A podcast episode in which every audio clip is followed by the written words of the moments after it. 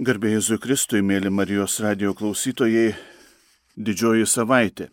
Didžioji savaitė kupina įtampos, kupina iš tiesų tam tikro drebulio ir per šią savaitę katechezės laidose kalbame apie labai opius dalykus visai žmonijai labai opius dalykus, kurie atsiskleidžia būtent didžiosios savaitės įvykiuose, didžiosios savaitės šventojo rašto e, skaitiniuose. Šiandieną, mėly Marijos radio klausytojai, e, Katechezės laidoje su jumis esu aš, kunigas Nerijus Pipiras. Ir šią valandą noriu pasidalinti keletų minčių apie išdavystę. Pripažinkim, išdavystė yra ta tema, kurie tikrai sukrečia. Ir šią temą mes nekalbame viešuose erdvėse, mes ją tarsi, tarsi nurašome mūsų, į mūsų juodraščius. Tačiau tai nereiškia, kad išdavystės mūsų aplinkoje nėra. Ir prisimenu, kai prieš keletą metų klausiau mokinių, ko labiausiai jūs norėtumėte vengti, Dauguma iš jų atrašė, kad labiausiai jie nori vengti išdavystės, kad išdavystė jiems yra labai skaudi tema. Daugelis iš jų netgi paminėjo, kad išdavystės negalėtų atleisti. Be abejo, žmogiškai išdavystė tikrai sukrečia. Tačiau šiandieną viešpats kviečia kitaip pergyventi visą šią tikrovę. Kai mes galvojame apie išdavystę, labai dažnai mūsų akiratyje atsiranda judo iskarijoto figūra. Ir be abejo, ko gero taip ir turėtų būti, tai yra didžiausias išdavikas žmonijos istorijoje. Tačiau šiandien norisi kalbėti ne vien tik tai apie jį. Ar tikrai vien tik tai judas iskarijotas išduoda? E, ar tikrai išdavystė nelydi būtent mūsų, atrodytų tokių žmonių, kurie nemusės negalėtų užmušti gyvenimo. Kai pagalvoji, išdavystė, kasgi ji yra tokia, tai pirmiausia, galima sakyti planas B. Planas B, kuris e, gimsta tyloje ir kuris išgvildenamas taip, kad kiti nematytų, kiti, kiti nežinotų, tačiau lik ir paslapčia žmogus ima tuo planu B gyventi. Ir kai pagalvoja, būtent tokia tikrovė, tokia išdavystė žmonija lydi nuo pat e, žmonijos gyvenimo pradžios, nuo pat pirmųjų žmonijos istorijos akordų. Adomas ir Jėva, jie taip pat turėjo planą B, ypatingai tas planas B gimsta ir rutuliojasi po pokalbio su gundytoju, su žalčiu. Jie stengiasi, kad Dievas apie tai nieko nežinotų. Jie stengiasi, kad Dievas nežinotų apie e, šio pokalbio turinį, kad Dievas apskritai nežinotų, kad toks turinys egzistavo. Ir tai yra ne kas kita, kaip tik tai suokalbis prieš patį Dievą. Mes žinosime, mes žinosime, kad Dievas yra nenuoširdus mums. Mes žinosime netgi ir daugiau, e, negu kad Dievas e, mums pasako. Mes žinosime tuos dalykus, kurie yra slaptuose Dievo sąrašėliuose ir panašiai. Tai yra išdavystės formulė. Tai yra išdavystės formulė, kurią Adomas ir Jėva pradeda gyventi. Ir, kaip matysim, būtent panaši formulė visuomet žmogų lydi. Persikelkime į Jėzaus laikus, į Naująjį Testamentą. Ir žodžio liturgija šią savaitę, kaip minėjau, tikrai kiekvieną iš mūsų sukrečia. Kiekvienam iš mūsų parodo tą tikrąją žmogiškosios tikrovės veidą. Štai ir evangelistai, jie kalba taip pat apie tam tikrus mokinių sviravimus Galima sakyti, kad tikrai išdavikas nėra vien tik tai Judas Iskarijotas, žinoma, jo vaidmuo čia yra pats svarbiausias. Tačiau atkreipkime dėmesį ir į kitus. kitus žmonės, jų poelgius. Štai skaitome evangelisto Mato tekstą. Atėjęs į Pilypo Cezarijos apylinkės Jėzus paklausė mokinius, kuo žmonės laiko žmogaus sūnų.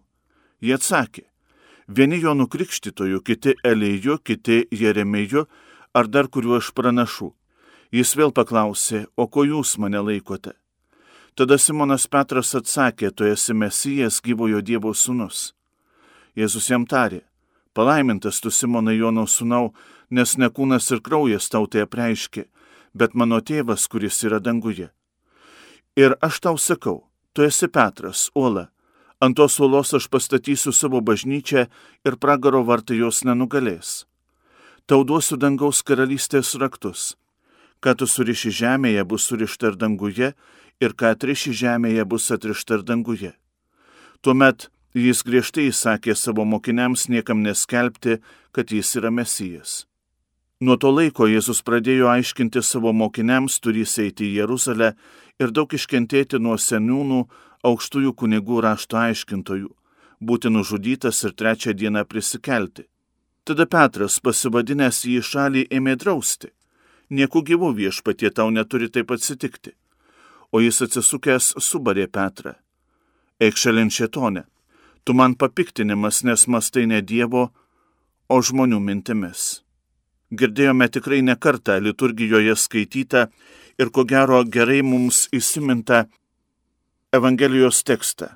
Ir galime šiandien šią didžiąją savaitę išgyvendami tiesiog stebėtis. Atrodo, Petras ką tik tai išpažįsta, kad Jėzus yra Mesijas gyvojo Dievo sūnus, Ir štai faktiškai iš karto jis sako nieku gyvu, viešpatie tau neturi taip atsitikti.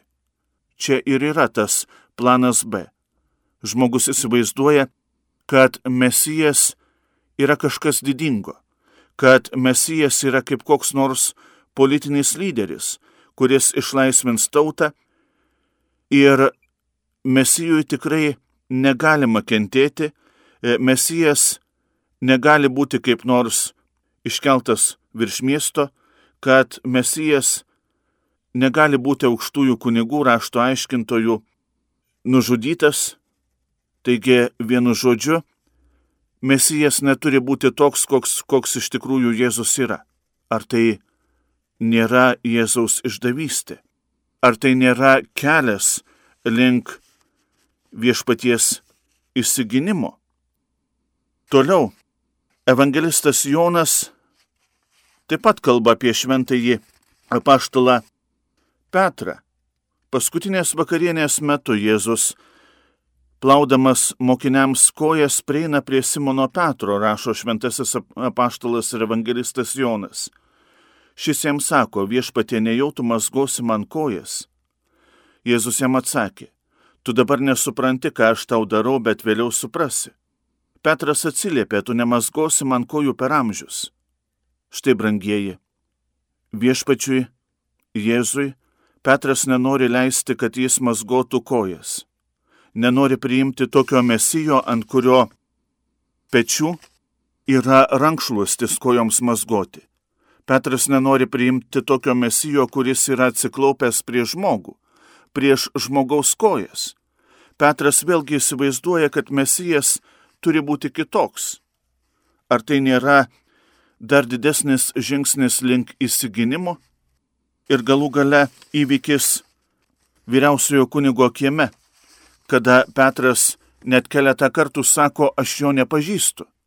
Galbūt jis sakydamas e, šį sakinį ir yra tam tikrą prasme tarsi patvirtinantis e, savo teiginius, kuriuos mes ką tik tai girdėjome, Mesijas negali būti kenčiantis, Mesijas negali būti tas, ant kurio pečių yra rankšluostis kojoms mazgoti ir aš nepažįstu tokio mesijo, kuris gali kojas mazgoti. Aš nepažįstu tokio mesijo, kuris gali ryštis kentėti už visą žmoniją, aš jo nepažįstu galų gale. Ir štai yra Petro išdavystės finalas. Aš nepažįstu. Aš mūsų keliai su juo nėra susikirtę. Ir štai tik tai tuo met, kai jis net tris kartus pakartoja šį savo teiginį, aš jo nepažįstu, supranta, kad vis dėlto netaip yra iš tiesų, kad vis dėlto jis klydo, kad Mesijas tikrai turi būti kitoks. O dabar grįžkime prie Judo Iskarijoto. Evangelistas Matas rašo, Jėzus tarė savo mokiniams, jūs žinote, kad po dviejų dienų bus Velykos ir žmogaus sūnus bus atiduotas nukryžiuoti. Tuomet aukštieji kunigai bei tautos seniūnai susirinko į rūmus vyriausiojo kunigo, kuris vadinosi Kajafas, ir nusprendė suimti Jėzų klastą ir nužudyti. Bet jie sakė tik ne per šventes, kad žmonėse nekiltų samišio. Kai Jėzus viešėjo Betanijoje Simono ropsuotojo namuose, atėjo moteris, alebastrinių brangaus kvapiojo aliejaus indų nešina ir jam sėdinčiam prie stalo išpylė ant galvos. Tai pamatę mokiniai pasipiktino ir kalbėjo, kam toks eikvojimas, juk buvo galima aliejų brangiai parduoti ir išdalyti pinigus vargšams. Tai išgirdęs Jėzus tarė, kam skaudinate moterį, ji man padarė gerą darbą, vargšų jūs visuomet turite su savimi, o mane ne visuomet. Išpildama aliejų ant mano kūno, ji tai padarė mano laidotuvėms. Iš tiesų sakau jums, Visame pasaulyje, kur tik bus skelbiama ši Evangelija ir jos atminimui bus pasakojama, ką yra padariusi. Tuomet vienas iš dvylikos vardų Judas Iskarijotas nuėjo pas aukštuosius kunigus ir tarė, ką man duosite, jeigu jį išduosiu jums. Tie pasiūlė 30 sidabrinių. Ir nuo to meto jis ieškojo progos išduoti Jėzų. Tai prašo evangelistas Matas, o evangelistas Jonas detalizuoja tą progą, kuri visai neužilgo pasitaiko. Tai yra paskutinės vakarienės metas. Štai koks iš tiesų iškalbingas tekstas. Numaskojęs mokiniams kojas, jis susivilko drabužius ir sugrįžęs prie stalo paklausė, ar suprantate, ką jums padariau? Jūs vadinate mane mokytoju ir viešpačiu ir gerai sakote, nes aš toks ir esu. Jei tad aš viešpats ir mokytojas numasgoju jums kojas, tai jūs turite vieni kitiems kojas mazgoti. Aš jums daviau pavyzdį, kad ir jūs darytumėte, kaip aš jums dariau. Iš tiesų, iš tiesų sakau jums. Tarnas nedidesnis už savo šeimininką ir pasiuntinys nedidesnis už savo siuntėją. Jeigu tai suprantate, busite palaiminti taip elgdamiesi. Deja, tai sakau ne apie visus jūs Aš žinau, ką esu įsirinkęs, bet turi įsipildyti rašto žodžiai. Tas, kuris valgė mano duoną, taikėsi mane sutrypti. Sakau jums jau dabar prieš įvykstant, kad įvykus tikėtumėte, jog aš esu. Iš tiesų, iš tiesų sakau jums, kas priima mano pasiuntinį, tas priima mane, o kas priima mane, priima tą, kuris yra mane siuntęs. Tai pasakęs Jėzus labai susijaudino ir tarė, Iš tiesų, iš tiesų sakau jums, vienas iš jūsų išduos mane. Mokiniai ėmė žvalgytis į kits kitą spėliodami, kurį jis turys omenyje. Vienas mokinys, kurį Jėzus mylėjo, buvo prisiglaudęs prie Jėzaus krūtinės. Simonas Petras pamojo jam ir pašnipždėjo, sužinok apie kurį jis kalba. Šisai pasilenkęs prie Jėzaus krūtinės paklausė, kas jis viešpatie. Jėzus atsiliepė, tai tas, kuriam padažęs paduosiu kasnį. Ir pamirkęs kasnį dubenyje, jis padavė judui, Simono Iskarijoto sūnui. Kai šis norėjo kasnį, įėjo į jį šetonas, o Jėzus jam sako, ką darai, daryk greičiau. Ne vienas iš sėdinčių stalo nesuprato, kodėl jis tai pasakė. Kadangi judo žinioje buvo kasa, kai kurie pamanė, kad Jėzus jam įsakęs, nupirk ko mums reikia šventėms, ar liepęs ką duoti vargšams. Tatanas, norėjęs kasnį to jau išėjo. Buvo naktis. Yeah.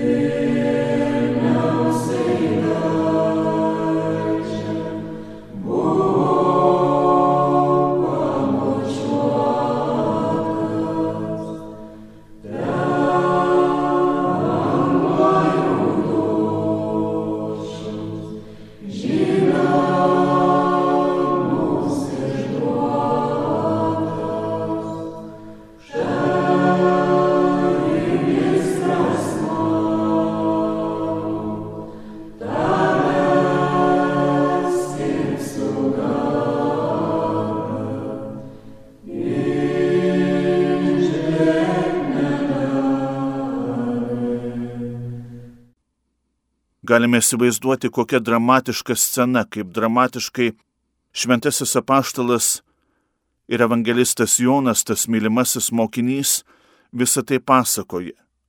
Viešpats paduoda kasnį. Paduoda kasnį tam, kuris jau turi suderėtus 30 sidabrinių. Kasnis gali reikšti ir šetoną, kasnis tai yra išdavystės kasnis. Kartu galima sakyti, kad tai yra ir viešpaties duonos kasnis. Duonos kasnis, kurį nurijęs Judas Iskarijotas, ko gero jo taip ir nesuprato. Buvo naktis. Judas Iskarijotas išeina. Išeina likti prie savų darbų, prie savų idėjų, prie galbūt nesuprasto Jėzaus, prie to, kad iš tiesų Jėzus turi būti kitoks prie žmogiškai suvokto Dievo. Paskelbdamas apie išdavystę, žinoma, Jėzus sujaudina mokinius ir kartu sukelia smalsumą. Ką tik girdėjome, kad vienas mokinys, kurį Jėzus mylėjo, buvo prisiglaudęs prie jo krūtinės. Ir tarp mokinių kyla diskusija. Simonas Petras prašo, kad tas mokinys, kuris buvo priglaudęs savo galvą prie viešpaties krūtinės, sužinotų, apie kurį Jėzus kalba. Kaip rašo popiežius emeritas Benediktas XVI savo knygoje Jėzus iš Nazareto, norint suprasti šį tekstą, pirmiausia atsižvelgtina, kad prie paskos vakarienės stalo buvo gulima. Vakarienės dalyviai gulėdavo ant kairiojo šono, kairė ranka būdavo skirta atsiremti, dešinėje galėjai laisva, laisvai naudotis. Tad Jėzaus dešinėje mokinio galva buvo tiesiai prieš jo krūtinę, taigi galima sakyti buvo prigludusi prie krūtinės. Mokinio padėtis tikriausiai leido jam artimai su Jėzumi kalbėtis. Tačiau jo vieta galbūt ir nebuvo garbingiausia, nes pastaroji būdavo šeimininko kairėje. Tačiau mylimojo mokinio vieta vis dėlto buvo artimo draugo vieta. Jėzus į mylimojo mokinio klausimą atsako nedviprasmiškai. Evangelistas Jonas mums vis dėlto vis tiek duoda žinoti, kad mokiniai nesupranta, kuris iš jų turimas galvoje. Tad galime tarti, kad Jonas retrospektyviai viešpaties atsakymui suteikė nedviprasmiškumo, kurio tą akimirką dalyviai nejuto. Turi įsipildyti raštai, taip Jėzus kalba. Šie žodžiai visiškai nuskaidrėja jau vėliau. Pasirodo, kad raštas tikrai nusako viešpaties kelią, bet tą akimirką išlieka mislė. Iš pradžių tik vėliau paaiškėja, jog Jėzų išduos vienas iš ustalės draugų. Pasirodo, kad viešpats iki galo ir iki smulkmenų turi iškesti skausmingą pamaldžiojo lemtį. Daug kur vaizduojama pirmiausia psalmėse. Jėzus turi patirti nesupratimą, neištikimybę, net artimiausių draugų neištikimybę ir taip išpildyti raštą. Judas išeina. Evangelistas Jonas rašo, kad tuo met, kai Judas išėjo, buvo naktis. Čia tas judo išėjimo faktas turi ir gilesnę prasme nei vien tik tai fizinė. Judas išeina naktį išeina iš šviesos į tamsą. Jį pagauna tamsybių gale. Jis pasirenka. Jis pasirenka ne šviesą, bet pasirenka tamsą. Pasirenka išeiti iš šviesos. Būti šviesoje. Arba išeiti iš šviesos ir rinktis planą B, rinktis kitą kelią. Tai taip pat yra saldi viso pasaulio pagunda kurią dažnai pasinaudoja ir šiandienis žmogus. Atrodo, išeiti iš šviesos lengva, tačiau tamsa niekuomet netampa šviesa. Taip, Judas buvo šviesoje. Iš Jėzaus įspindusi šviesa į jo sielą visiškai neužgeso.